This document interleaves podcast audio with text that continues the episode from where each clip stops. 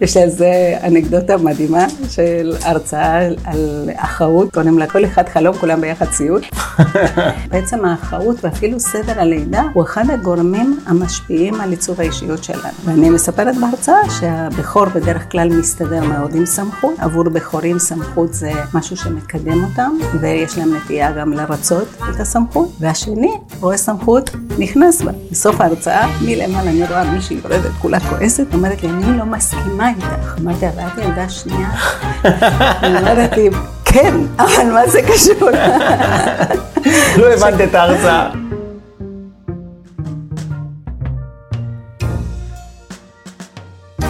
אהלן חברים, ברוכים הבאים לפרק נוסף של הפודקאסט איך הצלחת. איתנו היום דוקטור אנבלה שקד. אה, דוקטור אנבלה שקד היא פסיכותרפיסטית, זו מילה מסובכת להגיד אותה, בשיטת אדלר. אה, ותכף היא תספר לנו על עצמה טיפה מה היא עושה.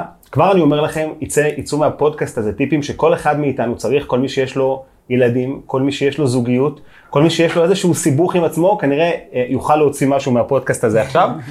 אנבלה, איזה כיף שבאת. כיף לי, אז כן. שמחים לארח אותך איתנו.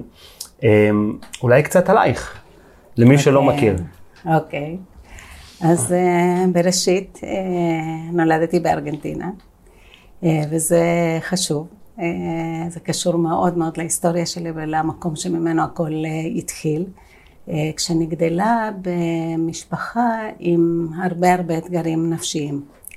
אה, מחלות נפש, אה, הפרעות אישיות, אה, מורכב מבחינה פסיכולוגית. ואני גדלה להיות הילדה הזאת שרואה, אה, רואה את הסבל ואת הקושי הנפשי והאישי, וחושבת שאני צריכה להקל עליו. וזה מה שעד היום מניע אותי. מהילדות כבר הבנת לעצמך, סימנת לעצמך איזושהי אני התחלתי התמחות בגיל שלוש. ילדה בכורה? ילדה שנייה. שנייה. אה, כן, כן, ילדה שנייה, אבל אה, שועטת. אה, כשאני לא משלימה, לא משלימה עם זה שהחיים הם לא כמו שיכולים להיות. ומה שהתחיל בהתחלה כחיפוש אחרי תשובה על הקלה על סבל, הפך והתפתח לדרכים לעזור לאנשים לא רק לא לסבול, אלא גם להגשים את עצמם. זאת אומרת, לא להסתפק, ואני חושבת שהפסיכולוגיה לא צריכה, אה, והיא יכולה לעשות הרבה יותר, רק בלהפחית סבל, אלא גם בקידום הפוטנציאל האנושי, שהוא עצום. וזה משהו שעשית אותו מאז שאת קטנה, את אומרת לעצמך, אנבלה בת שש אומרת, אני רוצה לעזור לאנשים, אני אשנה את העולם. אני אשנה את העולם. כן, מתי את באה לישראל? הסבל. אנחנו אה, כמשפחה עולים לארץ אה, כשאני בת 15. אה, אני מגיעה לכיתה י'. אה, ו- יודעת עברית? מדברת אני עברית? יודעת עברית, עברית אה, מביכה, ספרותית, אני אומרת אשתקד. תואיל עליי. בטובך להביא לי מחק. משהו כזה. כי למדתי עברית אה, מאז שאני בכיתה א', זאת אומרת, בבית ספר הייתי בבית ספר. יהודי, אז למדתי, למדנו את התוכנית הממלכתית בבוקר ועברית אחרי הצהריים. עברית ומסורת ויהדות ותנ"ך. ואיך הייתה הקליטה בישראל? אני, אה, מבחינתי, עלייה לישראל הייתה הגשמה, כי אני גדלתי בחינוך ציוני. יש אה, בארגנטינה שתי קבוצות של, אה, של היהדות, חלק שגדלו להיות, או שלושה חלקים, חלק שזה הקהילה היהודית שהיא לא ציונית, זאת אומרת שכן רוצה לשמור על הצביון היהודי, אבל להיות חלק מה, מהחברה שבה, שבה הם חיים, זאת אומרת, אפשר להגיד יהודים ארגנטינאים, כן. ארגנטינאים יהודים. אה, ואני גדלתי עם אידיאולוגיה, היינו בתנועה אה, ציונית, ומבחינתנו הגשמה זה עלייה. זה, ולכן אה, ההורים שלי אמרו שאני ואחותי הודענו להם, אה, שהיינו ממש קטנות, שהם ידעו שכשאנחנו נגדל אנחנו נחיה בישראל, והם אה, התכווננו לזה. ואני חוויתי, אה, הגעה לישראל זה להגיע הביתה, אה, ממש, כאילו זה, אני ידעתי שזה הבית. והקליטה הייתה פשוטה וקלה וחוויה טובה, ולראות את ההורים פתאום, לא. ש... אני מניח שההורים לא, לא דיברו עברית, נכון? ההורים לא דיברו עברית, אה, אבא שלי אה, השתלב מאוד מהר כי הוא היה רופא שיניים. וכשאנחנו עלינו לארץ לפני 40 וקצת שנים, היה חסר, מחסור מאוד גדול בארץ של רופאי שיניים, ומבחינתו היה צריך ללמוד מעט מאוד עברית בשביל לעבוד, לפתוח את הפה, לסגור את הפה. כן. אה, אימא שלי, אה, שהייתה אה, חולה הרבה שנים בדיכאון מג'ורי, אז היא לא השתלבה, כאילו זה היה מאוד קשה, אבל זה, זה היה המשך של, של מה שהיה קודם. אז אבא שלי כן הצליח מאוד, מתח... מאוד הצליח מבחינה מקצועית, כי הוא היה רופא יוצא מן הכלל, אדם יוצא מן הכלל, ו... הפך להיות אה, מהר מאוד רופא מחוזי בקופת חולים, ואחר כך אה, משהו שהסתבר כטעות מאוד גדולה, שהוא אה, כדי לפרנס, הוא היה מפרנס יחיד כל השנים, אז הוא עבר לפרקטיקה הפרטית ועזב את הקריירה הממסדית שלו, ואז זה לא הצליח, כמו שלא לא היה לו שום כלים או הבנה עסקית. שזה אחד הדברים שאני, אה, כשאתה שואל אותי על חלק מההצלחה, אני ידעתי תמיד שאני ארצה להיות אשת מקצוע מצוינת, כאילו תמיד גדלתי עם הרעיון הזה של מצוינות, תכף נדבר על זה, אה, אבל ידעתי שגם צריך לתרגם את זה לפרנסה. שזה לא, שכעצמאית, שזה משהו שתמיד ידעתי שאני אהיה, כי אני לא יכולה. תמיד ידעת מההתחלה, אני לא רוצה בוסים, למה עצמאית? תמיד. כן. אני, קודם כל, הדוגמה מהבית. המון המון אנשים שאני רואה מהבית, אבא עצמאי, אני לא... אבל דווקא אצלך דוגמה לא הייתה חיובית, זאת אומרת שהוא יצא לעצמו. הוא לא, לא, הוא פרמס, קודם כל, אני חושבת שזה הישג לא קטן לגדל שלושה ילדים אה, ולפרנס אותנו, אנחנו לא, לא היה חסר, היינו משפחה של מה שנקרא מעמד בינוני פלוס, אה, כולל לתמוך ולשלם לימודים, שזה הדבר שאני כבר אומרת לכם ההורים, להתחיל לחסוך לילדים, ותכף נדבר על לימודים, כי שר חינם של הלימודים האקדמיים בשנים האחרונות, אבל תכף נדבר בזכותם. מאוד מאוד בעד. האקדמיים. כן, תכף נדבר על זה. אה, ואז הם, הם מימנו לימודים, זה משהו אה, יהודי פולני כזה, של אה, לא צריך גנים בשביל זה, מספיק הגישה, אבל זה ברור שהשכלה פעם זה היה הדרך נכון. המרכזית להצלחה ולמוביליות, אבל היא נותנת הרבה הרבה יותר מזה, זה לא רק מקצוע ולא רק מעמד ולא רק, זה משהו אחר. נוסף, ואז הוא כן הצליח להתקיים, זאת אומרת להתקיים ולפרנס, אה, אבל לא עם שקט כלכלי, לא עם אה, ביטחון כלכלי ולא עם תחושה מאוד מאוד גדולה של שפע. כאילו זה, וזה אני הבנתי מתישהו, ואני ידעתי, א', אני לא יכולה שיגידו לי מה לעשות. כבר אה, מגיל צעיר, עשית צבא? מגיל צעיר, אני לא עשיתי צבא, זה היה, אני הגעתי לארץ, כמו שאמרתי, בגיל 15.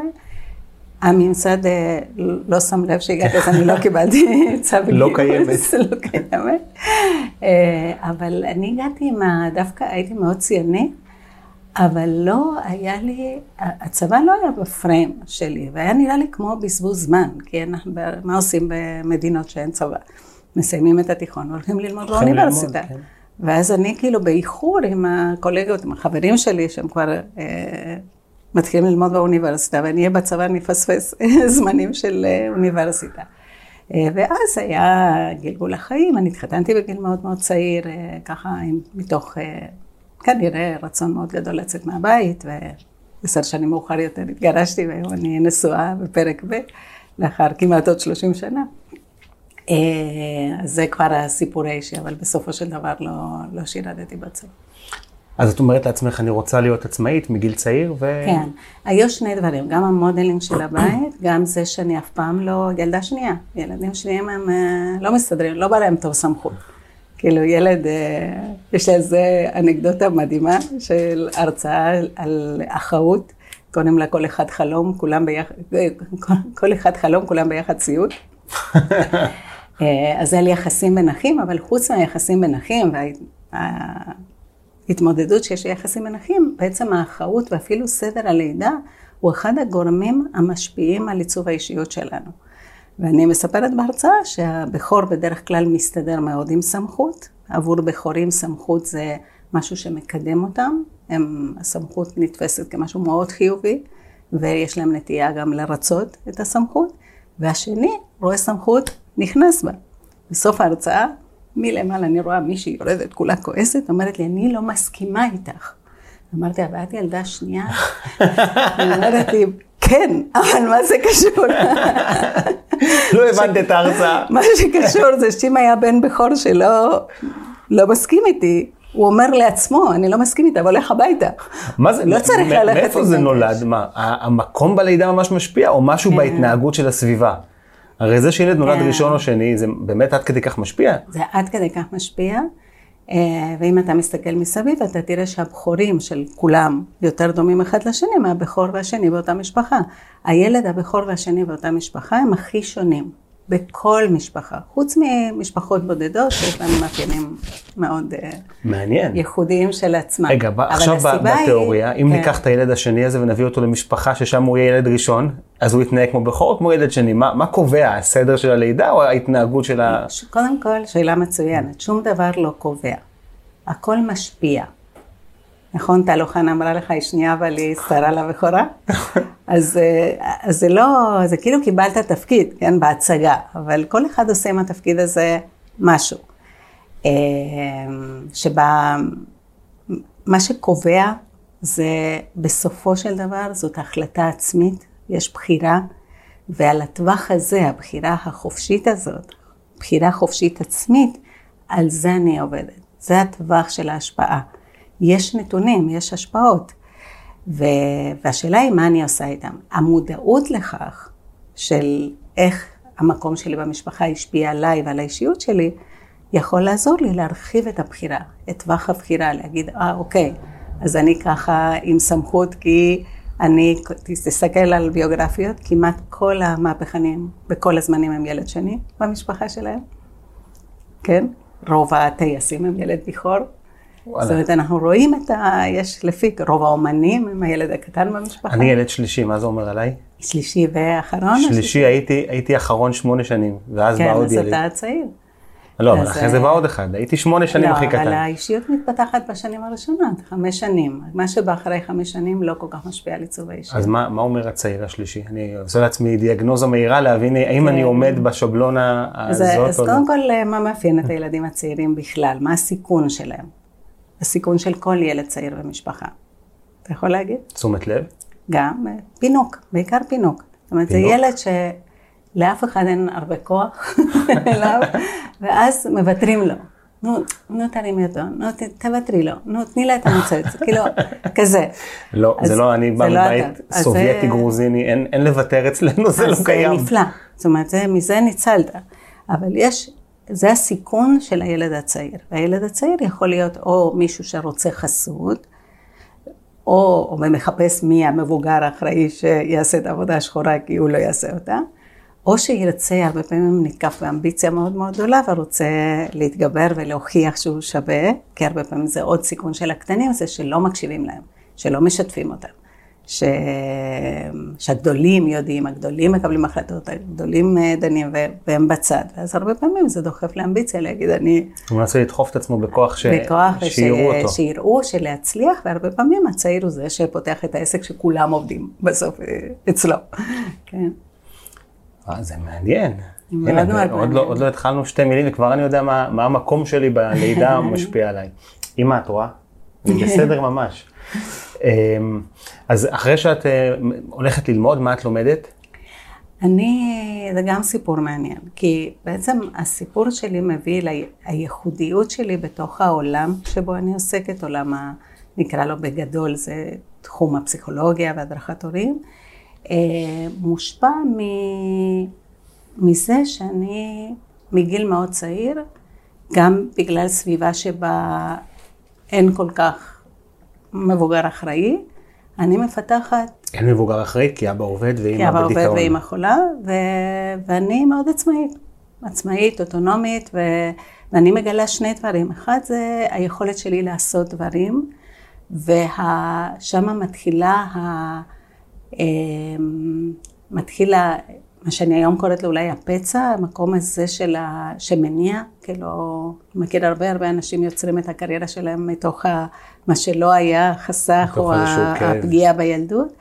אז אם היום, היו הרבה, אבל אם אני אבחר אחד, אז אני אגיד שמה שאני לא יכולה לסבול זה החמצה.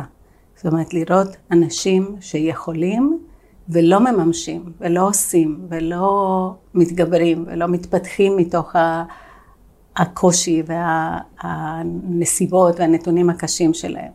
ואז אני הופכת... למרות שזה אולי רוב האנושות. רוב האנושות עסוקה בלא לעשות, בלהחמיץ, מתוך הפחד להיכשל, הוא הרבה יותר חזק מהפחד להחמיץ. טוב, אתה מקדים את המאוחר, עכשיו אתה בדוקטורט שלי, אז אה, רגע. בוא, אנחנו בארגנטינה, בואנוס איירס. לא, אנחנו בישראל בלימודים. רגע, לא, אז לפני זה. אז אני אה, אדם מאוד, אני מתפתחת להיות אדם מאוד מעשי ומאוד פרקטי, ו, וגם, זה קטע מאוד חשוב, שאימא שלי לפני שהיא חלתה היא למדה שני תארים, אחד בפסיכולוגיה ואחד בסוציולוגיה, למעשה סוציולוגיה לפני פסיכולוגיה, ואני אף פעם לא עבדה בזה, ואני, כמו בילדות שמה שיש בבית אז ככה זה בחיים, אז אני מבינה שפסיכולוגיה וסוציולוגיה הם שני, שני, אה, שני מקצועות שמחוברים. וכשאני רוצה ללמוד פסיכולוגיה, כי היה לי ברור שאני אעסוק בטיפול, אני מסתכלת על התוכנית ואני אומרת, אבל לא, אין פה שום דבר שקשור לסוציולוגיה. ואז עשיתי החלטה שהרבה שנים חשבתי שהיא גרועה, שהייתה גרועה, אבל לדעתי היום זה אחד ה... ה בסופו של דבר ה... מקריות שמובילה להצלחה יוצאת דופן, וזה שהחלטתי ללמוד מדעי החברה. היום קוראים לזה מדעי התנהגות.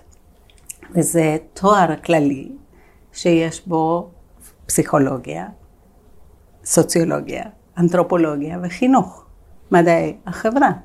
ובעיניי זה הבסיס, בסיס רחב, תרבותי, אה, חשוב, זה, זה בעצם סוג של הכרה של המפה האנושית מזוויות שונות. הפסיכולוגיה, מה עושה הפסיכולוגיה? הפסיכולוגיה לבד לוקחת את הפרט מהחברה, מוציאה אותו מהחברה, מביאה אותו לקליניקה, ככה אחד על אחד, כמו שאנחנו יושבים עכשיו, ומטפלת בך באופן אישי, כאילו שכל מה שקורה מסביב, החברה והמשפחה, לא משפיע. לא משפיע או לא שייך, אולי לא שייכת. כאילו כל כך. אנחנו יכולים לעבוד איתך בניתוק מהחברה, כולל מהגורמים החברתיים והתרבותיים שהשפיעו על מי שאתה, לא רק המשפחתיים כמו סדר הלידה, וגם שמה שמשפיע לך הכי הרבה היום זה מערכות היחסים הכי קרובות עם...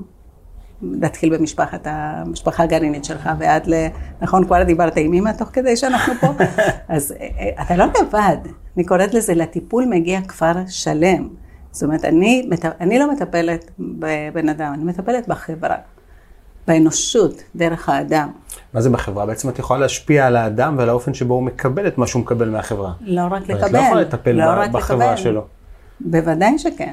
אני יכולה להשפיע, הרי כל מה שתעשה, כל מה שמטופל או מטופלת יעשו, ישפיע על החיים של הילדים, של, ה, של בת הזוג.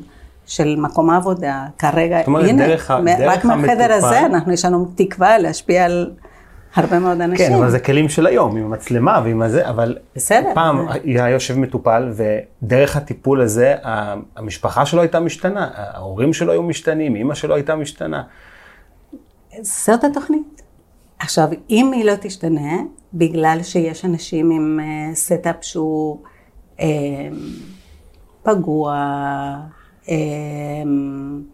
חולה, אני קוראת לזה לא סביר, כן? אדם שהוא לא סביר. אדם סביר משתנה, מתפתח, מתאים את עצמו, לומד, משתפר, משתכלל, זה הטבעי שלנו.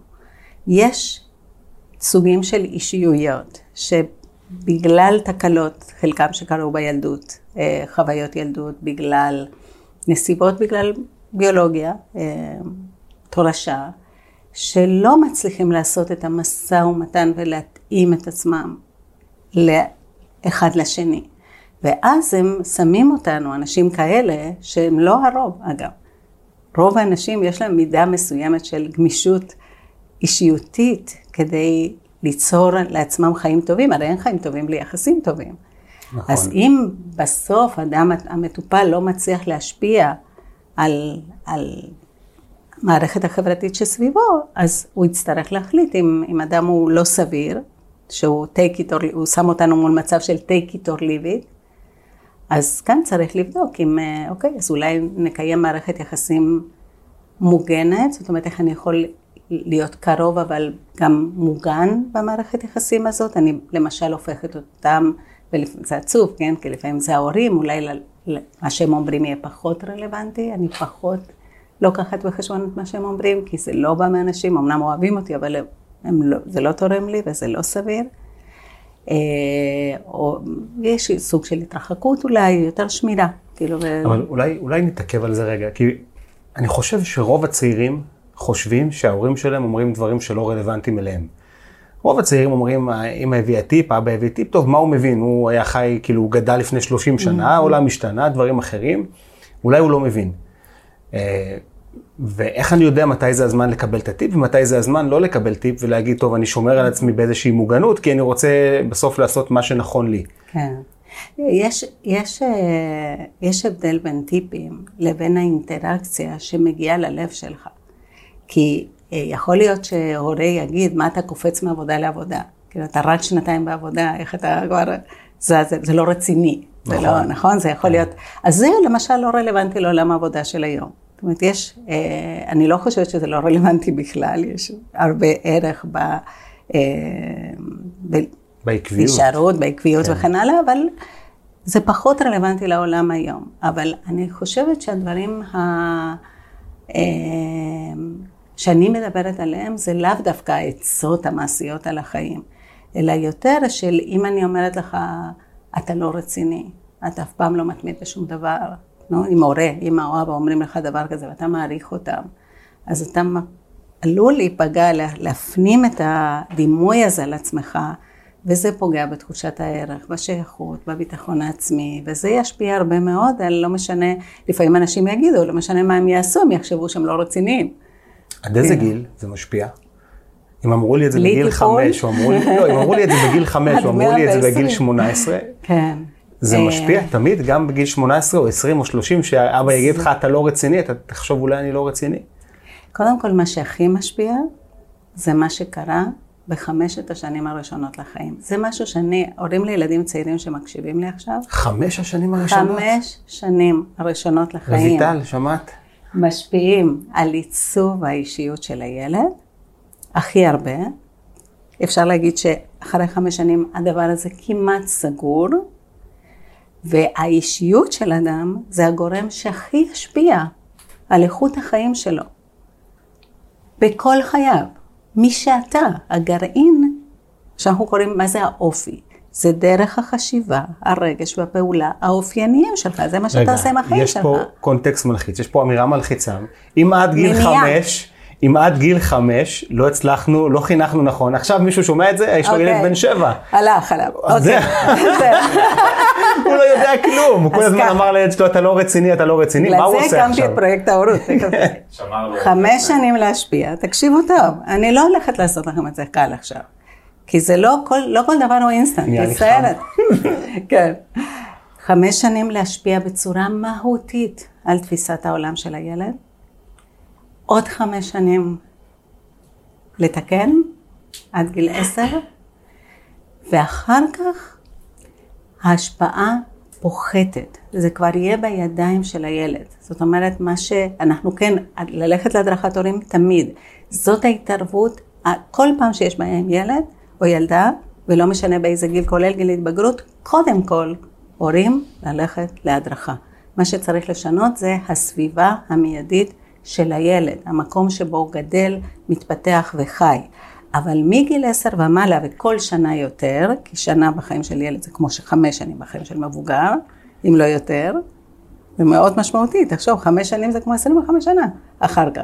כן, זה המון. מטורף. אתה יודע את זה, כי יש לך ילדים קטנים, אתה יודע אתה, מה זה לפני שנייה הוא היה תינוקי, ועכשיו הוא... כן, בן אדם. גדול, עם דעות ורצונות. עם דעות, רצונות ו- ויוזמות, ו- והן נתקלות בדברים. או, זו אמירה מאוד קשוחה. זאת אומרת, עד גיל חמש זה הזמן שלנו להשפיע על הילדים, זה הזמן שלנו להקנות להם את הכלים. תמיד אפשר להשפיע. אבל תמיד, לעצב אותם, גיל. לעצב להם את אבל האישיות. להשפיע, לא לעצב להם, להשפיע, תזכור. מי למה- מחליט? למה לא לעצב להם? הכוח היצירתי. כי בסוף זאת יצירה, זאת היצירה. אנשים שחושבים שהם לא יצירתיים, חבר'ה, כל אחד ואחת מאיתנו יצרו את האישיות שלנו. אנחנו, היו חומרי גלם, כל הנסיבות התרבותיות, החברתיות, המשפחתיות, הביולוגיות, הכל, ובסוף הכוח היצירתי יצר יצירה, שאחר כך אפשר ליצור אחרת, אבל אני צריכה לרצות את זה, אני צריכה להגיע לתהליכים שעובדים על הנפש, לטיפול. היום יש פחות סבלנות ללכת לטיפול, לחפור. שואלים אתכם הצעירים, נכון? מה נשמע, מה את היום גם? האג'נדות השתנו. אם פעם טיפול היה בוא נשמע לילדות ולהורים, היום זה CBT, כמה טכניקות ומהר מהר. זה אחת האפשרויות טיפוליות, והיא מאוד טובה כשרוצים לטפל בסימפטומים נקודתיים. אבל אם רוצים, אני, האישיות היא הגישה שלנו לחיים, הגישה הכללית, זה המדריך הפרטי שאומר, יש לו פרקים כאלה, מי אני, מה העולם, מה אני צריך לעשות כדי שיהיה לי מקום וערך בעולם, ממה אני צריכה להתרחק ומה השאיפה האולטימטיבית שלי. זה בערך הספר הפרטי של האישיות. עכשיו, אנחנו ברגע שיצרנו אותו, אנחנו מפסיקים לבדוק אותו, אנחנו פשוט מתנהלים בעולם, ובמקום לבדוק אותו ולעדכן אותו, אנחנו מוכיחים אותו ומצדיקים אותו. וזאת הסיבה שאנשים לא משתנים כל כך בכלל וכל כך מהר בפרט. וזה, הטיפול הולך להיכנס פנימה, טיפול שהוא עמוק ויש הרבה גישות, וכמובן שאני בחרתי את אה, דרך החיים ודרך הטיפול על פי הגישה האדלריאנית, כי אני הגעתי, אפרופו איך הצלחת, של ממקריות כזאת של הלכתי ללמוד מדעי החברה, סיימתי עם תואר מדהים, וזה, אני כבר אכניס את הטיפ שאני רוצה לתת לחבר'ה שלכם, לסטארט-אפיסטים, ול... אתם לא צריכים הרי ללמוד באוניברסיטה. נכון, אה, אתם יכולים ללמד עכשיו את מדעי המחשב, את אה, אה, בטח מנהל עסקים ותקשורת, כאילו, אתם אינטואיטיביים, כן? אז האוניברסיטה במובן הזה יכול להיות, או להרגיש כבזבוז זמן, אבל זה לא מה שאוניברסיטה עושה. אוניברסיטה מפתחת את ההכרה ואת הנפש. הלימודים מפתחים צורה אחרת של חשיבה, וכל תואר, המידע בלימודים או עצם ההגעה לאוניברסיטה? גם וגם, לא, להגיע זה לא מספיק, לא, למה אני אומר? כי היום תואר הוא שלוש שנים או ארבע שנים. יכול להיות שאפשר לעשות קורס כמו פרויקט ההורות, אז כזה, אבל פרויקט החיים נקרא לזה, כן. שלומדים שם שנה, פעם בשבוע. אז אני אספר לך משהו. יש בעולם האדלריאני, יש אה, פרקטיקה שקוראים לה Positive Discipline. מישהי מארצות הברית לקחה את כל התיאוריה החינוכית של, אה, שמבוססת על אדלר, שפיתח ממשיכו פרופסור רודולף דרייקולס, והיא מלמדת בסוף שבוע, סוף שבוע, מכשירה מדריכות הורים שעושות סדרה של שמונה מפגשים עם הורים שמלמדת את עיקרון התיאוריה של אדלר. זה הצלחה מטורפת בכל העולם. סטארט-אפ, בכל העולם, בישראל זה לא נכנס ולא ייכנס. סוף שבוע אחד? סוף שבוע אחד. הסמכה של מדריכת הורים מטעם חברת פוזיטיב דיסציפלין העולמית, אוקיי? וואו. שמונה פגישות. הורים באים לשמונה פגישות, זה, אתה אומר איזה יופי, אני אומרת איזה פחד.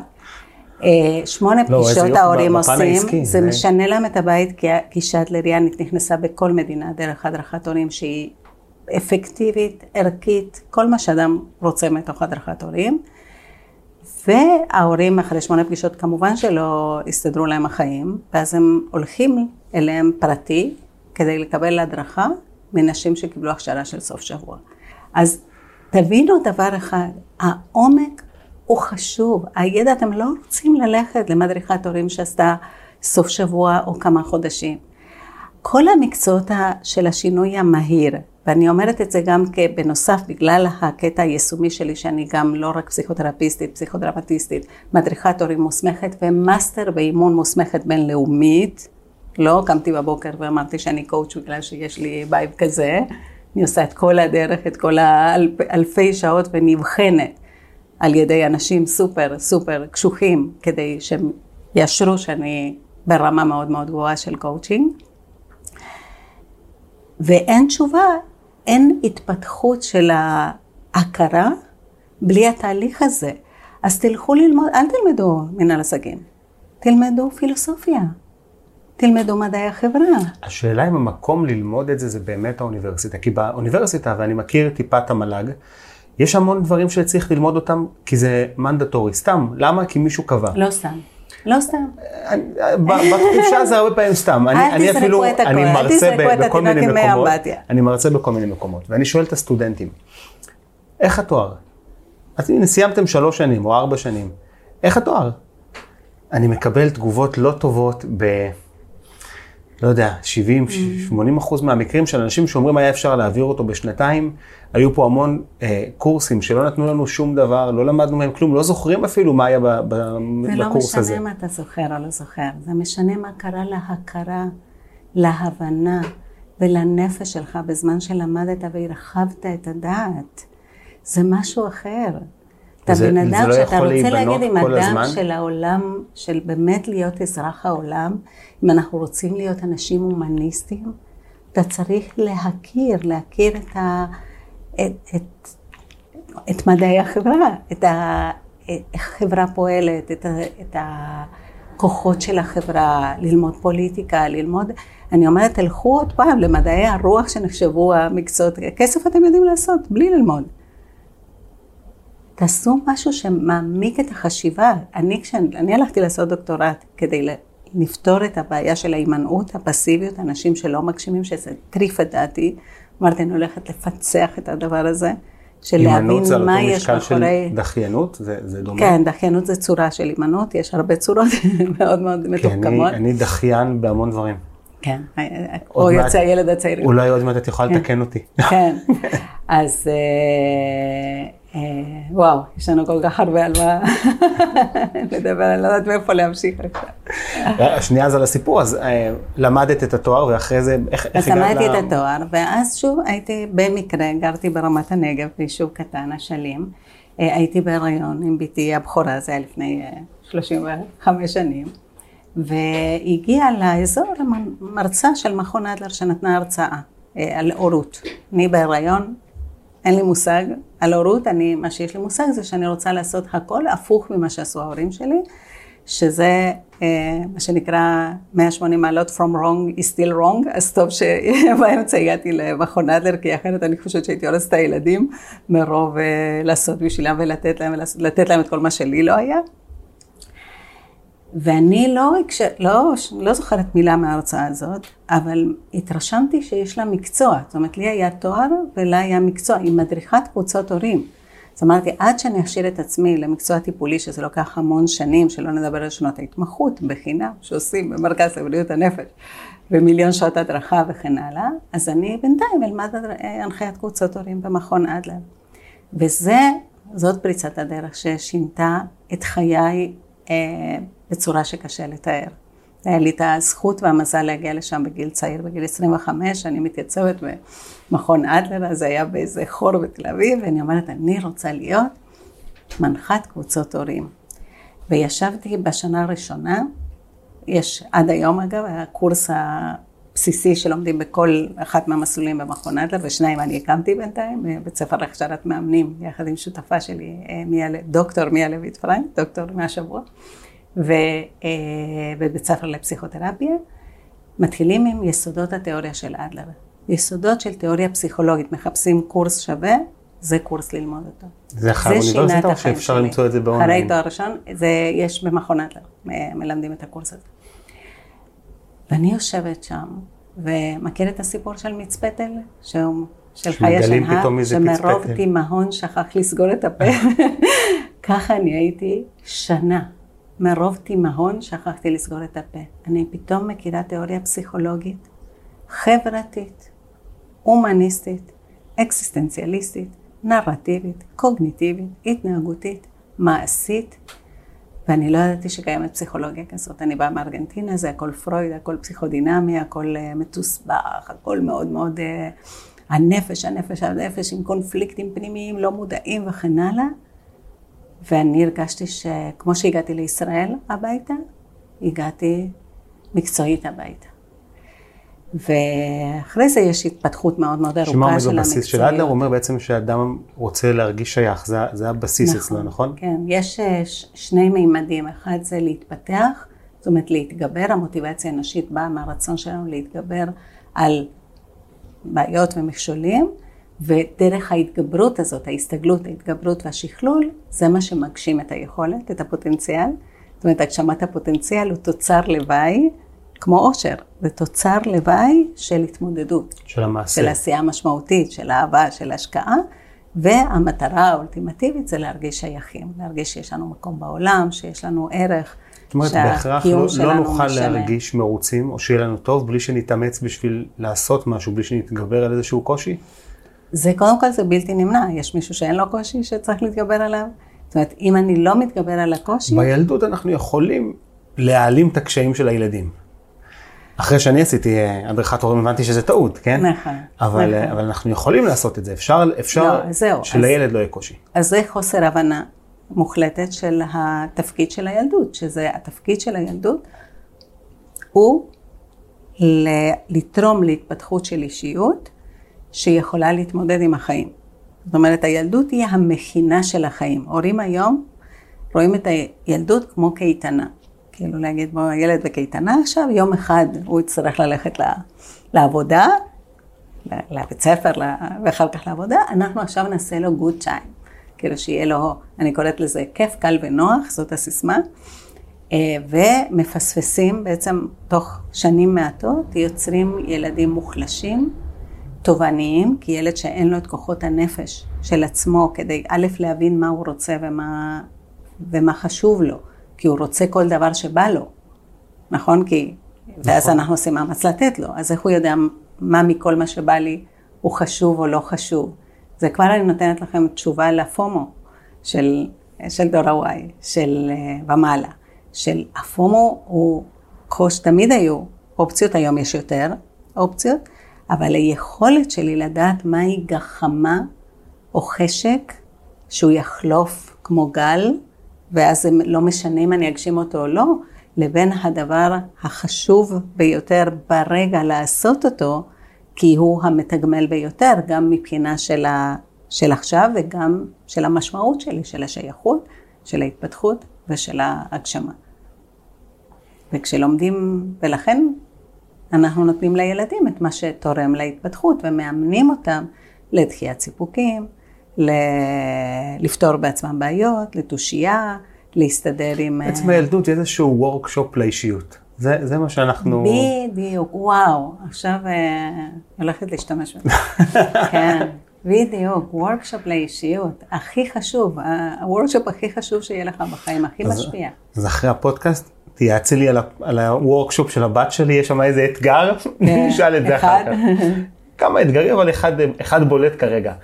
אמ, אז שנייה, אני כן נסיים שנייה את הסיפור שלך, של אה, הלכת ללמוד, סיימת את הלימודים ונגיע לשם. סיימתי, ובגלל שלמדתי מדעי החברה, אה, אז לא יכולתי ללכת ללמוד, אה, זה היה תסבוכת לעשות עוד פעם תואר בפסיכולוגיה בשביל ללכת ללמוד. כבר לא יכולת להיות כאילו פסיכולוגית, זה כי צריך עוד פה שני תארים עכשיו. שאז הרבה כן. שנים הרגשתי שזה, וואו, איך אני לא הטופ של מה שנחשב היום פסיכולוגיה קלינית.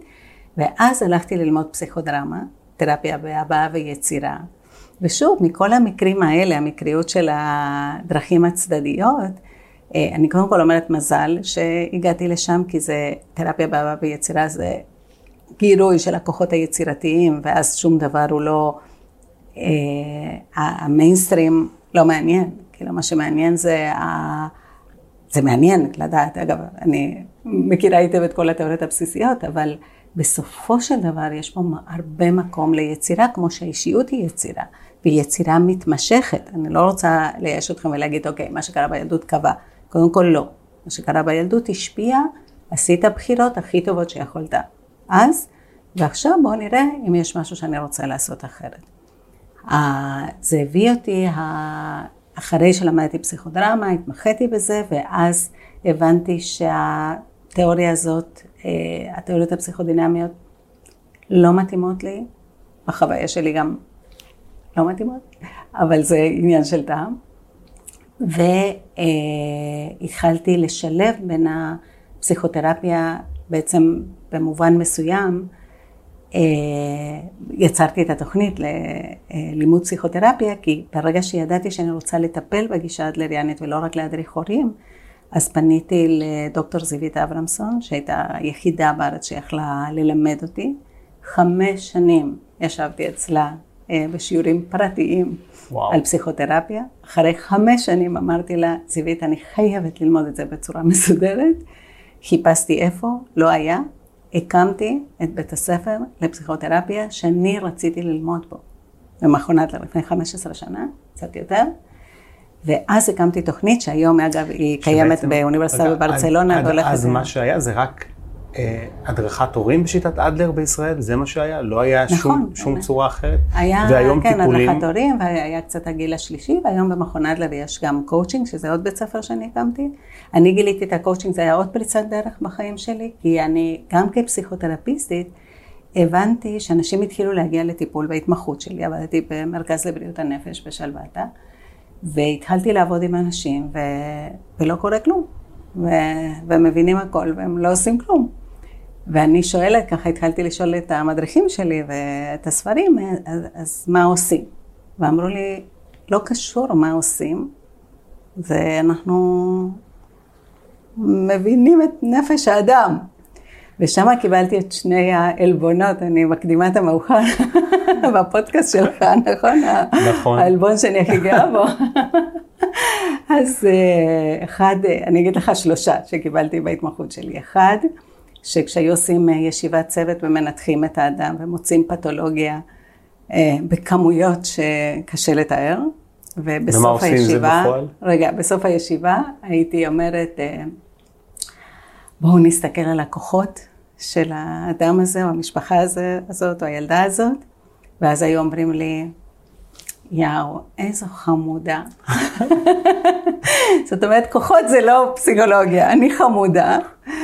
השני, אה, פסיכיאטר באמצע ישיבת צוות, ענקית, שאני עוד פעם שואלת, מה עושים? הוא אומר לי, יום אחד את תצטרכי לטפל באובססיה שיש לך עם המציאות. והיום אה, אני מבינה אולי, שה... אולי זה מעיד משהו על הפסיכיאטריה של היום קצת, המשפט הזה שהוא אמר לך. על, על, על חלק, קודם כל הפסיכולוגיה, כן, עברו 30 שנה, והיא כבר יותר גרה במה שקרה בשכונה שלי. זאת אומרת, קודם כל העולם השתנה, והקהל לא רוצה עכשיו להכיר את עצמו שלוש, חמש, שש שנים. העולם, אנשים רוצים לבוא לתהליכים קצרים שמניבים תוצאות. זה גם בטיפול. הם שואלים פעם, האדם היה הולך לטיפול, מרים טלפון, אני רוצה להיכנס לטיפול, טוב, יש לי שעה פנויה ביום רביעי בחמש. אתה יודע כמה זמן זה ייקח? לא. כמה אתה מניח? שנים. ככה זה עבד. היום אנשים שואל כמה זמן זה ייקח, כמה זמן את חושבת שזה ייקח. אוקיי? Okay? ובעיניי טיפול, שוב, טיפול ממוקד, כמו הטיפול האדלריאני, אחר כך הייתי, הצטרפתי לאגודה ישראלית לפסיכותרפיה ממוקדת, הייתי יושבת ראש שלה אה, כמה שנים, של, של היום יש טיפול שהוא גם עמוק וגם ממוקד. הקואוצ'ינג הוא, אה, כשנתקלתי בו לפני 18 שנה, הוא הוסיף לי את החוליה החסרה שבעיניי הייתה חסרה בפסיכולוגיה. את ה, מה עושים. והיום הקואוצ'ינג הוא קצת אה, השתלט על העולם של ה-self, של ה-help, כאילו של מקצועות העזרה, שאנשים מחפשים את הקואוצ' שיוביל אותם לתוצאה uh, טובה בזמן קצר יחסית, וחלק מהם, אוקיי, מגיעים לתוצאות בעולם של המציאות, אבל אם הנפש שלך לא, הלב לא במקום הנכון, חלק, uh, לא שמעתי את כל הרעיונות, אבל אני חרשנית ואני מתכוננת, אז שמעתי כמה מהרעיונות שעשית. אז זה המחנה המשותף של האנשים שזכו להיות, אה, לשבת כאן כי אה, נחשבים שהצליחו, שזה באמת כיף שמישהו משקף לנו את זה, כי כמו שחלק גדול אמרו, תכף ניכנס לזה. עוד לא הצלחתי. אין דבר כזה, זה לא עוד לא הצלחתי, חכה. יש לי חדשות. אמ, אז הם דיברו על אותנטיות. והם דיברו על האהבה, על, על אכפתיות, על נוכחות, אוקיי? Okay? וזה שום הישג בעולם החומר לא יכול לתת לך. ואז זה לא משנה. וכאן אני, אם נדבר על הצלחה, וזה הנושא של הפודקאסט שלך, אז א', יש לנו ג'ון לנון אה, בשיר שלו, וומן, כן? מה הוא אומר ליוקו אונו? שאת לימדת אותי, the meaning of success. מה זה the meaning of success בשביל ביטל? מה? שהצליח. אה? בדיוק, אז מה זה? אהבה. זוגיות. השינוי שהוא רצה לעשות בעולם, להביא שלום. שלום פנימה ושלום החוצה. אז זה דבר אחד לגבי the meaning of success. הכסף, ההצלחה, מבחינת איך שאנחנו בנויים, אנחנו כיצורים חברתיים, אם לא נשתמש בכסף כאנרגיה לשינוי העולם, לשיפור ומיטוב חברתי, אנושי, אז מה שעשית כאן, עברת שום חוטא. לא קרה פה כלום. לא משנה נהנית. כמה כסף עשית. לא משנה, להפך אפילו. היה לך בידיך את הכוח להשפיע, ולא עשית את זה. עשית משהו אחר עם הכסף. אז אולי באמת נדבר רגע על עולם המבוגרים. כאילו, יש המון השפעה בעולם הילדים, יש המון מבוגרים, המון צעירים. אני אומר מבוגרים זה מעל גיל 20 כזה, כן? כן לצורך נכון, השיחה, נכון. כי אנחנו כבר כאילו לא, לא, לא ילד, לא בן 10, לא בן 6, לא בן mm-hmm. 15.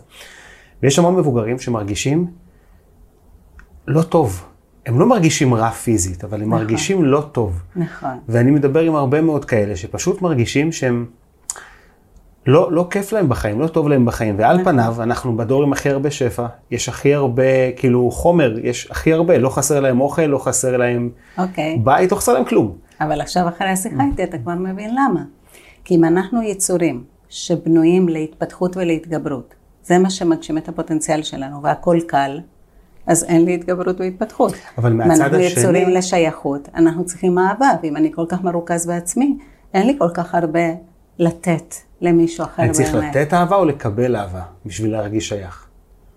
לתת. לתת. הרבה יותר חשוב.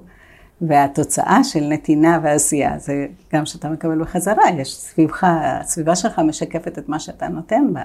אנחנו בעולם של לקבל. אין תחליף ל... צריך להבין את זה. כמו שאנחנו, למה אנחנו משמינים? כי ה... נכון, אנחנו בנויים לאכול את מה שאנחנו רואים בדרך, נכון. כי האדם הקדמון ראה אוכל פעם בשלושה ימים, ואנחנו רואים את זה פעם בשלוש שעות. אז, אה, אז צריך להבין שיש דברים שהנפש לא יודעת שאנחנו בעידן המידע. הנפש יודעת שאנחנו בעידן השייכות וההתפתחות וההישרדות, הישרדות, שגשוג והמשכיות. כל זה בסכנה. שפע עצום, איפה, מה קורה עם האקולוגיה? אתם, איפה הכסף, באמת, הכסף של הצעירים שעושים מיליונים, מושקע במשבר האקלים, בפוליטיקה. למה אין לנו מנהיגים שמקדמים את האינטרסים האמיתיים של העם? למה אנחנו צריכים לקבל את הפרדיגמות? אתם רוצים לשבור פרדיגמות? אז מה זה הפרדיגמה הזאת שאנחנו צריכים לחיות כל הזמן במלחמה? אין לכם סטארט-אפ בזה? קחו צעירים בצד השני או בכל מקום בעולם ונתחיל לעשות משהו, איזה שינוי תודעתי, מחשבתי, שבעוד כמה שנים זה כן יהיה אפשרי, למה לא? אני חושב שהיו ניסויים כאלה, היו ניסיונות כאלה, אבל... היו? נק... פתרנו? לא, פתרנו. אז צריך לא. להמשיך. זו שאלה פוליטית עמוקה. אבל אנחנו נברח חצי דבר פוליטיקה. לא, אני לא מדברת על פוליטיקה. אני מדברת על אם אנחנו בחדשנות והשפעה וכוח ומשאב ואנרגיה, איפה אני רוצה לשים אותו, מה נחוץ, לא מה בא לי ומה אני רוצה. וזאת בעיניי הצלחה. הצלחה היא אה, ליצור השפעה, כאילו בסופו של דבר השיא של ההגשמה זה שהתרומה שלך נשארת כאילו אתה לא מת, או התרומה שלך לא מתה גם כשאתה לא כאן. והאנשים שמרגישים לא טוב, זה א', אחד העיוותים שנוצר בעידן הזה, הפסיכולוגיה החיובית, שאני קוראת לה הפסיכולוגיה החיובית החדשה, כי הייתה פסיכולוגיה חיובית קודם, של מאסלו, של אדלר, של פרנקל, של רוג'רס, שמדברת על משמעות, על אהבה, על שייכות, על התגברות, על הגשמה עצמית. והפסיכולוגיה החיובית החדשה מתעסקת באושר.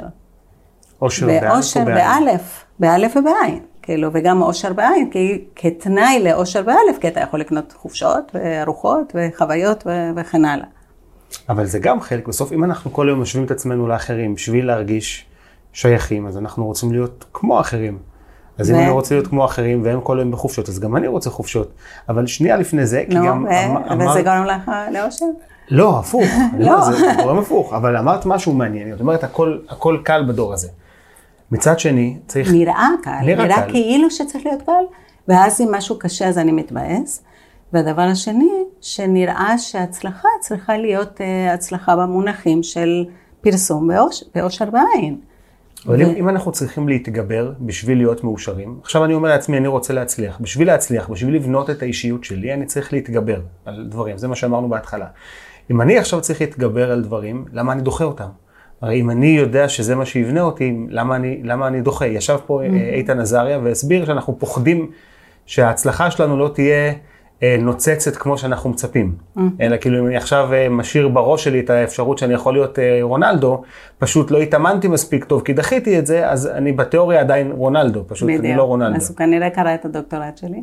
אה, כן, זה בדיוק זה. אחד הגילויים, אה, ואדלר אמר את זה לפני יותר ממאה שנה, הוא אמר שכשיש לנו איזושהי תחושה של אה, נחיתות, אנחנו יוצרים לעצמנו מטרה מפצה של עליונות, ואז הנחיתות מתעצבת מתחת למטרה של עליונות. זאת אומרת, אנחנו לא מרגישים רק שאנחנו גרועים, אנחנו לא מרגישים רק שאנחנו רגילים, או אנחנו בסדר. מרגישים שאנחנו רונלדו. לא מושלמים, שמשהו לא וואו. בכל שנייה שמשהו לא בדיוק כמו שרצינו.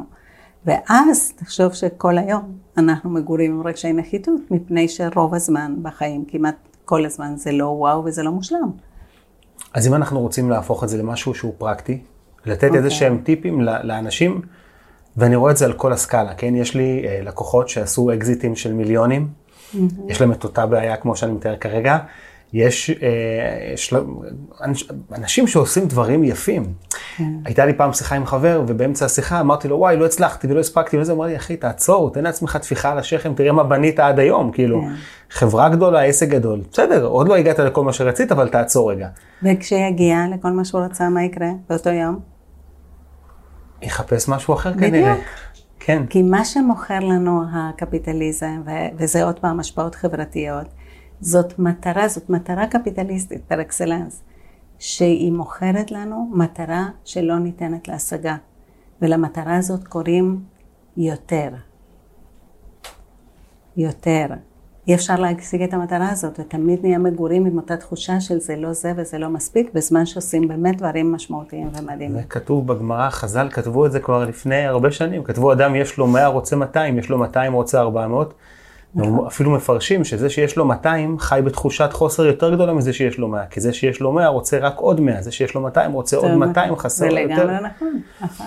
אז איזה טיפים אנחנו יכולים להביא לאנשים שמקשיבים לנו, והם הם, אה, אנשי עסקים, או אנשים שכאילו באמת אובייקטיבית עושים דברים טובים אוקיי. אז אני אתן לכם ומצליחים. טיפים של אה, אישה מבוגרת יותר, של סבתא, אני סבתא. זה. גם מידע מאוד חשוב זה שאני מידע מאוד מצליחה. חשוב, ולאחרונה, גם, אני גם עשיתי אה, טיפה שיעורי בית, אני יודע שזה קרה לאחרונה. נכון, כן. נכון. לי בת שלוש, זה קרה לאחרונה, אבל אני לאחרונה. כבר אה, זה, וכן, יש עוד בדרך, אז זה כיף.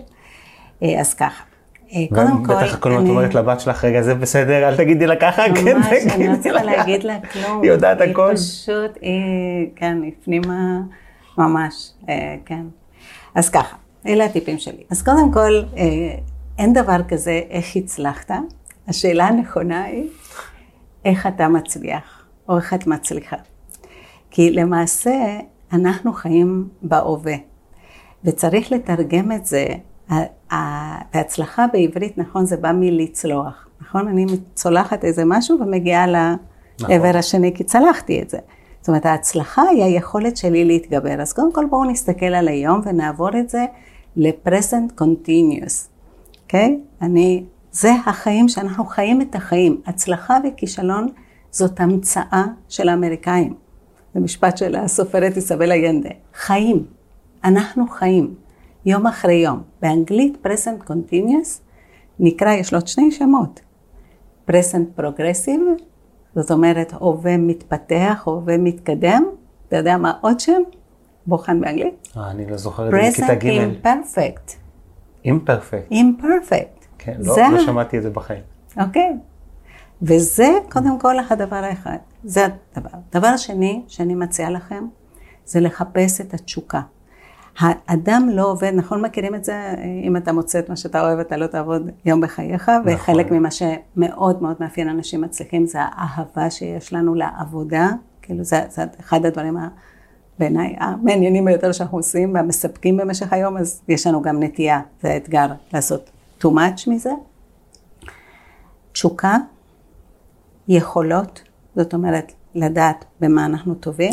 אבל תשוקה זה כאילו טיפה אה, קלישאתי. כי לא לכולם יש תשוקה למה שהם עושים. יש. כאילו, אני אומר, לא, שמה... יש תשוקה, לא למה שהם עושים. נכון, אבל לא, לא לכולם יש את היכולת עכשיו לעבור באמצע החיים בגיל 35. יכולת זה דבר מתפתח.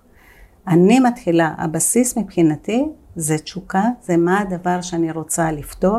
תשוקה המון פעמים מגיעה מפצע, מחסך, מדבר ש, שאני רואה בעולם ואני רוצה לתקן, זה בא, רוצה לתקן, זה בא ממקום של, אה, זה הדבר שלי, זה, אתה תראה את זה, סיפור חוזר אצל הרבה מאוד אנשים שעשו מחקרים, זאת אומרת, חוקרים את הפצע, זה אני, המקום שבאתי ממנו, המקום של לראות אנשים שלא הגשימו את עצמם, זה הדבר שמניע אותי, אני לא יכולה לראות את זה.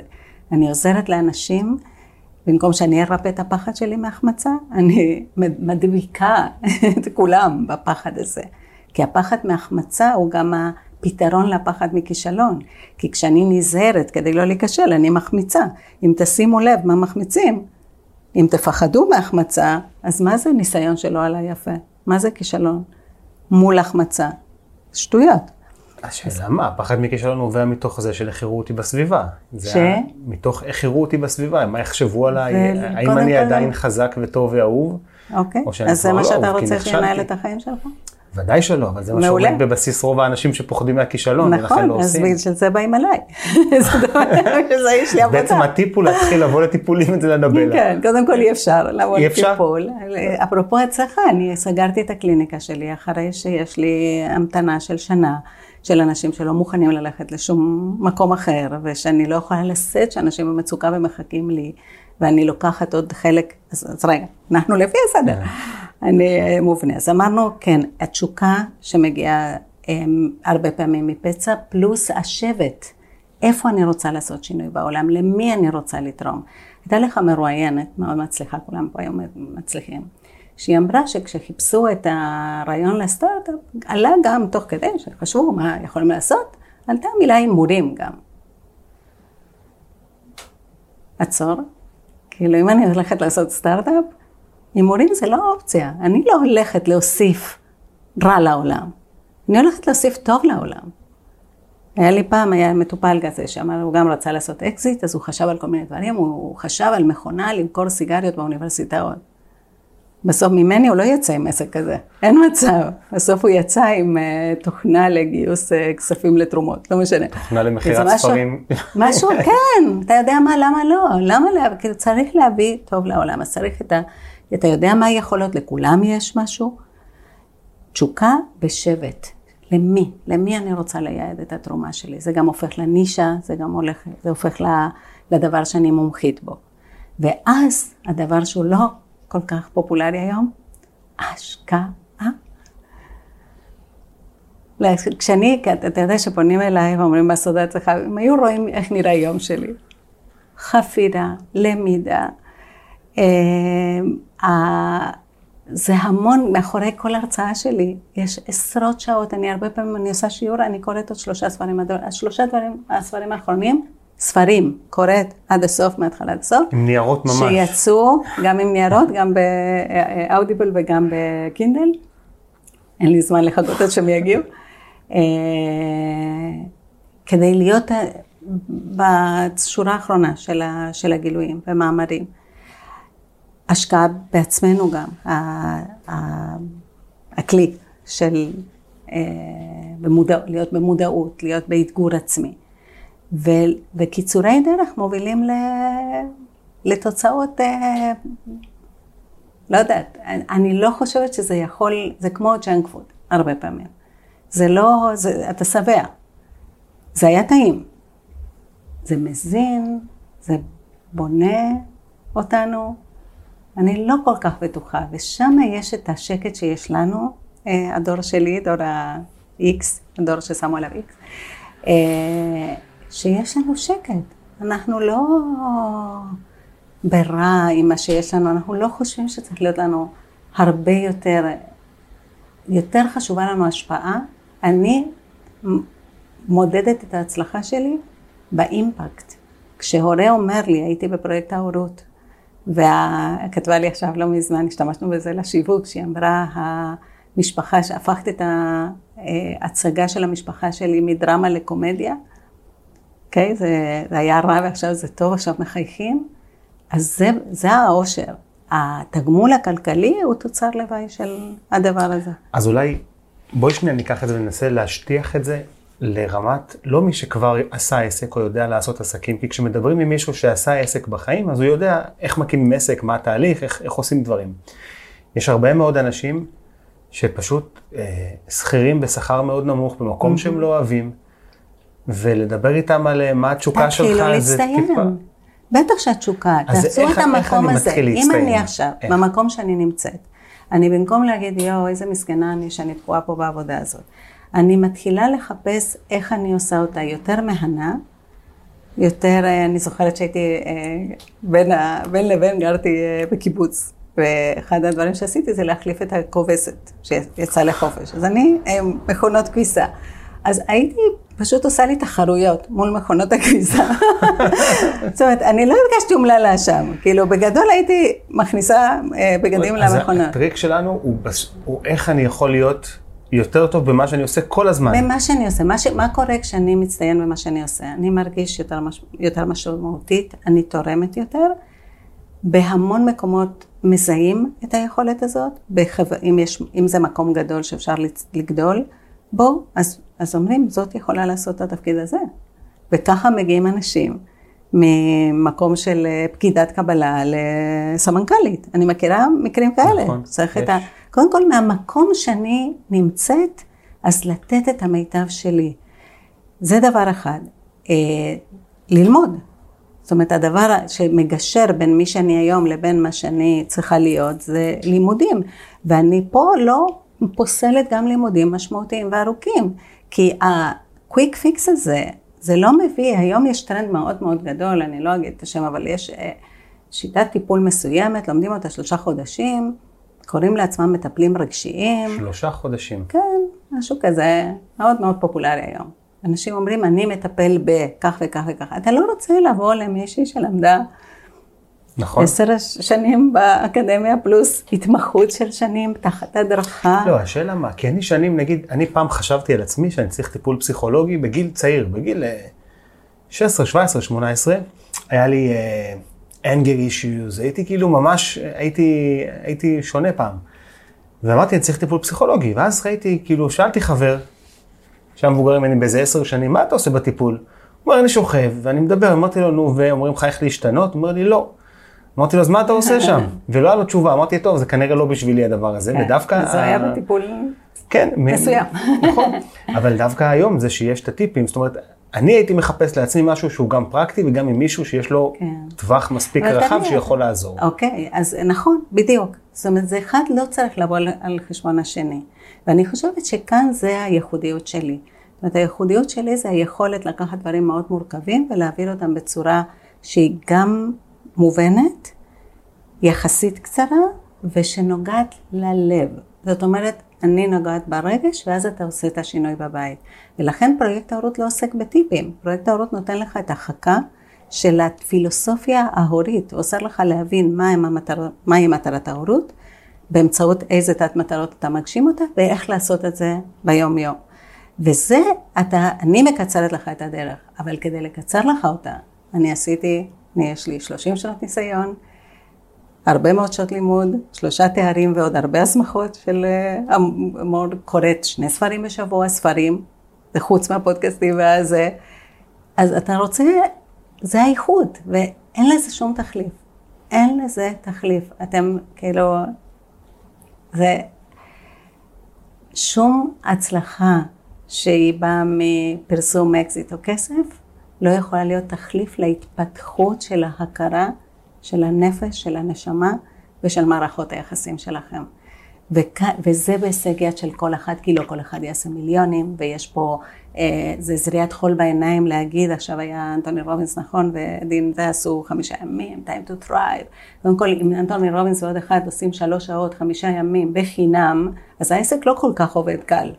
אם אתה צריך את כל זה בשביל לשווק, כן? כן? אז, אז זה לא, כל אחד יש לו מה ללמד, כל אחד שיעשה קורס דיגיטלי, כל אחד... כל דבר כזה, לא רק שצריך חלק גדול, שזה מה שאני הבנתי, חוזרים להתחלה, שאני, שיש לי גם פרקטיקה וגם עסק, אוקיי? אבל החלק של השיווק, הוא, או, או של בכלל כל החלק העסקי זה החלק שאני פחות אוהבת, שמבחינתי הוא מונע ממני לפתח עוד מהמקצועיות שלי, כי זה הזמן שזה לוקח, זה לחץ. פתאום יש השקעה מאוד גדולה, ואם גדלת אז אתה יודע כמה צריך להשקיע בפייסבוק, כמה צריך להשקיע בעובדים אה, ויועצים וכן הלאה. אז זה לא כל כך פשוט. ואני גם אה, לאחרונה, היה לי איזה, בגלל העולם הדיגיטלי שנפתחה פה האופציה הגדולה, הסקיילבילית, הבינלאומית, ו, וגם אה, ארבעה חודשים הייתי באובדן איזון, לקח לי זמן לעצור את הרכבת הדוהרת הזאת ולהגיד רגע, רגע, רגע, רגע, רגע, עוצרים ועכשיו לאט לאט, ממשיכים לאט לאט ועושים את זה. אז האפשרויות קיימות, אבל א', עוד פעם, לא כל אחד יכול לעשות את זה, כי כדי להיות עצמאי, צריך להבין את זה דבר אחד. עצמאי זה אדם שמנהל את עצמו. מישהי אמרה לי פעם, באה לאימון ואומרת לי, אני צריכה למצוא את המשמעת לשבת לעבוד. אמרתי לה, מותק, תלכי להיות שכירה. עצמאי צריך למצוא משמעת כדי להפסיק לעבוד. אם אין לך כזה, אל תהיה עצמאי. אל תהיה עצמאי. ואיך בכל זאת תשדרג ותסקייל את עצמך בתוך, בתוך העבודה כשכיר? אז תצטיין, תלמד, תעשה המצאה, תהיה שותף. תציע משהו, תציע אחוזים. או שתעשה תחביב, יכול להיות שהתחביב שלך, אם אתה עוגות אחרי הצהריים או משהו שאתה מוכר ויש לך עוד כסף או משהו אז כזה. אז מה הצעד הראשון, האחד? בואו ניקח uh, שם קוד של מישהי שהיא uh, כל היום בבית, היא אפילו לא עובדת עם הילדים, היא לא רואה את עצמה עכשיו בכלל באיזשהו מקום שיכול להתפתח. מה הדבר האחד שהיא מתחילה איתו בשביל להרגיש שהיא מסוגלת? אוקיי. Okay. שלא הכל שחור לה בחיים ולא הכל עצוב לה בחיים, אלא... את בבית עם הילדים. אין יצירה יותר חשובה, מדהימה, חד פעמית, והגיל הזה יעבור לפני שאת שמה לב. תהני, תהיי, אל תחפשי משהו אחר עכשיו. תהיי, תלמדי משהו על הורות. היא רוצה אז, לשפר אז, את עצמה. אז יופי, אז התפקיד שלך היא עכשיו הורה, אז בואי נלמד הורות. בואי לפרויקט ההורות. תהני מכל רגע, מתוך זה, אולי זה אגב, יהיה, אם היא תעשה את זה ותתחבר להורות, אולי תלך ללמוד אחר כך הדרכת הורים. היא תבין שזה חלק מהעולם שלה. זאת הצעד הראשון הוא תמיד לעשות משהו ברמת הפיתוח של עצמך. מה שאני כבר עושה. אבל פשוט להתפתח בזה, ללמוד את זה יותר, להבין את זה יותר. ללמוד זה תמיד משהו שמשתלם, תמיד. תבון, לימודים זאת הוצאה והשקעה משתלמת. עכשיו, זה שאתם דוחים, אתם, אני מאשימה דרכך את כל הגדול שלך. לא, אני באמת דוחה, אבל זה בסדר. אז הלימודים זאת השקעה מטורפת לעתיד, זה משהו שאף אחד לא יכול לקחת לך, זה ידע וזה רמה של הכרה. עכשיו, קשה לך מאוד ללמוד, בגלל שהמוח שלנו בעידן הדיגיטלי אה, התנוון, יש, יש קושי אמיתי ללמוד, לקרוא, בגלל שאנחנו, המוח שלנו, הרגלנו אותו דרך אה, פייסבוק, אינסטגרם וכל הרשתות, הרגלנו אותו למידע מהיר, תזזיתי ושטחי. וזה אומר שכל פעם שאני מוצאת מידע שהוא לא כזה, אני צריך, צריכה לגייס כל כך הרבה אנרגיה, פוקוס, תשומת לב והשקעה, שאני מוותרת, ואני משאירה את זה לאחר כך. תקבלו בחזרה את המוח שלכם, אל תיתנו לילדים שלכם אה, לאבד את המוח שלהם מה זה אומר? לא מסכים? לא, לא מה, מסכים. מה בכלל? מינימום, מינימום, מינימום, ובטח לא עם טלפון חכם, ואני מדברת עד גיל 11. יש עכשיו את הסדרה Abstract של נטפליקס. עוד משהו, okay. אוקיי. להשתמש בנטפליקס וזה להעשרה. זה בסדר בידור, זה בסדר אתקפיזם, אבל במינון. זה אז, יש שם, אז יש סדרה של מעצים, כן, של עיצוב, אה, וזה אחד הפרקים, אני חושבת החמישי, הוא של מעצב, אה, אחד המעצבים הראשיים של האינסטגרם, הוא מעצב את העמוד האינסטגרם הנראה. ושם הוא אה, שני דברים משם. אחד, זה, אה, מראיינים שם את הבחור שהמציא את זה שאין סוף לסקרולינג, והוא מכה על חטא. הוא אומר, אני עשיתי, אני לאנושות, אני עשיתי משהו נוראי. אומרת, כשאני שותה כוס יין ומסיים אותו, אני צריך לבחור אם למלא אותו עוד פעם. גם שם יש סכנת התמכרות, אבל לפחות יש רגע של בחירה, וכאן אנחנו בעצם אימנו את האנשים שעוד ועוד ועוד, ונשארים שעות, שעות יקרות של אהבה, נכון. של העמקה, של זה, בלהתעדכן בחיים של אנשים שלא אכפת לנו מספיק מהם כדי לפגוש אותם. והדבר הבא שהוא אומר, הילדים שלי לא מתקרבים למסכים ואין להם טלפון. וזה אומרים כולם, המנכ"לים של פייסבוק, של פינטרסט, של... אתה צריך להקשיב להם. זה כמה, אני לא אומרת אפס, אבל מעט, לא הכי תזזיתי, לא הכי, אה, לא לתת להם אה, לעבור מתוכנית, התחלת תוכנית, תסיים אותה, גם איזה חמש דקות וגם איזה עשר דקות, כי זה יותר חשוב, אחרת מה שכותב, אחד הספרים המדהימים בנושא הזה, ספר שנקרא הרדודים, של ניקולס קאר, שהוא אומר, ואני עכשיו מצטטת, הוא אומר, אנחנו מכניסים לזיכרון לטווח ארוך קוקטייל שמורכב מטיפות של ברזים שונים. אין לנו שום המשכיות, שום ליניאריות, שום העמקה, שום זה, ואז מה? אנחנו עשירים ורדודים, או ריקנים, והתוצאה היא, היא לא התוצאה שציפינו, זה לא אושר. אושר זה לא, אושר באלף שווה משמעות פלוס אהבה. זאת המשמעות העמוקה של אושר מתמשך, לא כפן. אה, למרות שגם אנחנו ראינו טלוויזיות, כאילו שהיינו קטנים, אבל זה לא היה כמו היום, לא הייתי יכול לא לעבור, היה ערוץ 6 והיינו רואים ערוץ 6. גם ערוץ אחד, כאילו היה לך ערוץ אה, פחות בחירה, ערוץ הילדים, אבל זה היה כן. איטי יותר, וראינו פרפר נחמד, וראיתם רחוב סומסום, ראיתם תוכניות שאנשים... נעשה אה, כן, היו גם תוכניות, אני ראיתי המון טלוויזיה כשהייתי ילדה, ובארגנטינה היה לנו יותר מערוץ אחד, ואנחנו, בגלל שהיינו ילדים קצת מוזנחים, אז ראינו כל אחר הצהריים טלוויזיה, מבית ספר עשינו שיעורים, הכל היה בפרסומות. שיעורים בפרסומות, אה, להתקלח בפרסומות, כאילו, אבל ראינו המון. אה, אבל זה היה גם התוכניות שהיו לא מספיק מתוחכמות או חכמות, עדיין היה להם איזשהו ערך.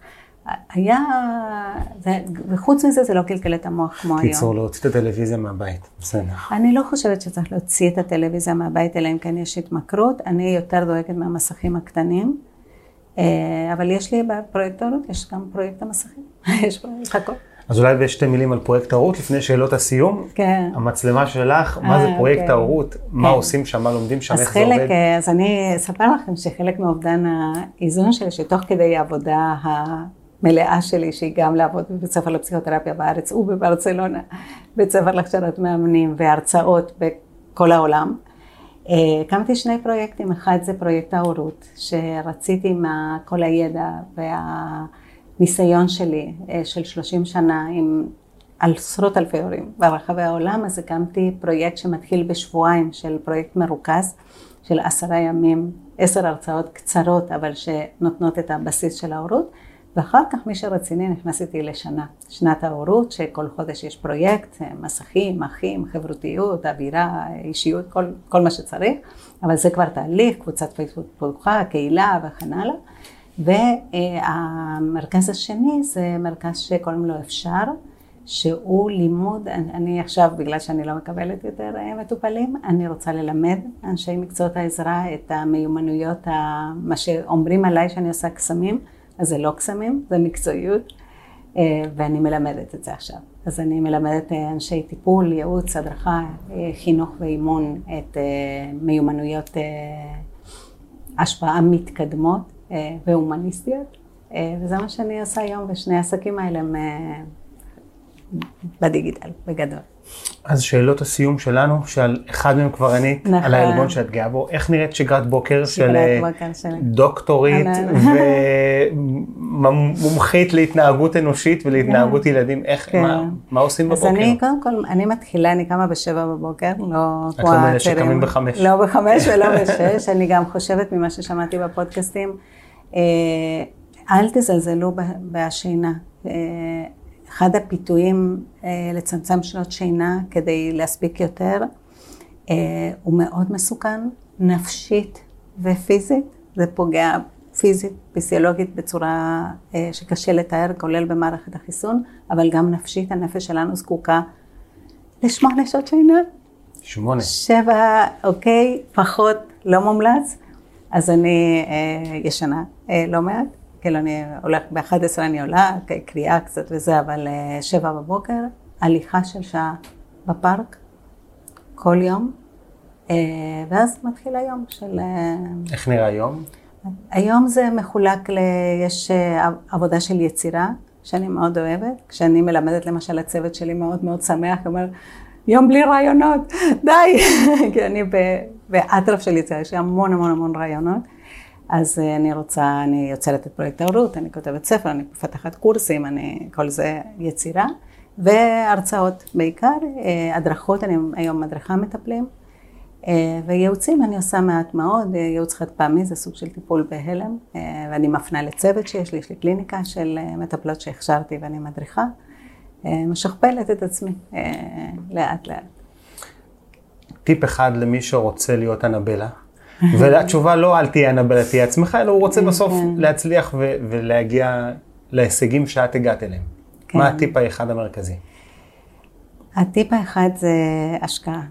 אה, אני מאוד מאוד משקיענית, אה, ואני חושבת שזאת מתנה של אה, מי שלא פינקו אותו בילדות, ולא חושב שהדברים אמורים להיות קלים או מהירים, אז יש לנו, הרווחנו הרבה דברים מזה. קודם כל זה אין אני לי מי לי, אז אנחנו עושים עצמאות, אוטונומיה, אחריות, השקעה, מצוינות, שאיפה לעשות את הדברים טוב. אני גם מאוד מעורב, כל מה שאני עושה זה אישי, אני כל אורז שמגיע אליי צריך להצליח, כל, כאילו, אני משקיעה מאוד.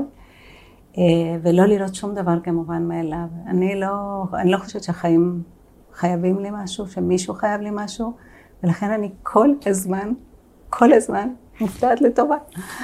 וזאת הרגשה מדהימה לחיות ככה, והכרת תודה עצומה. דוקטור אנבלה שקט, תודה רבה שבאת.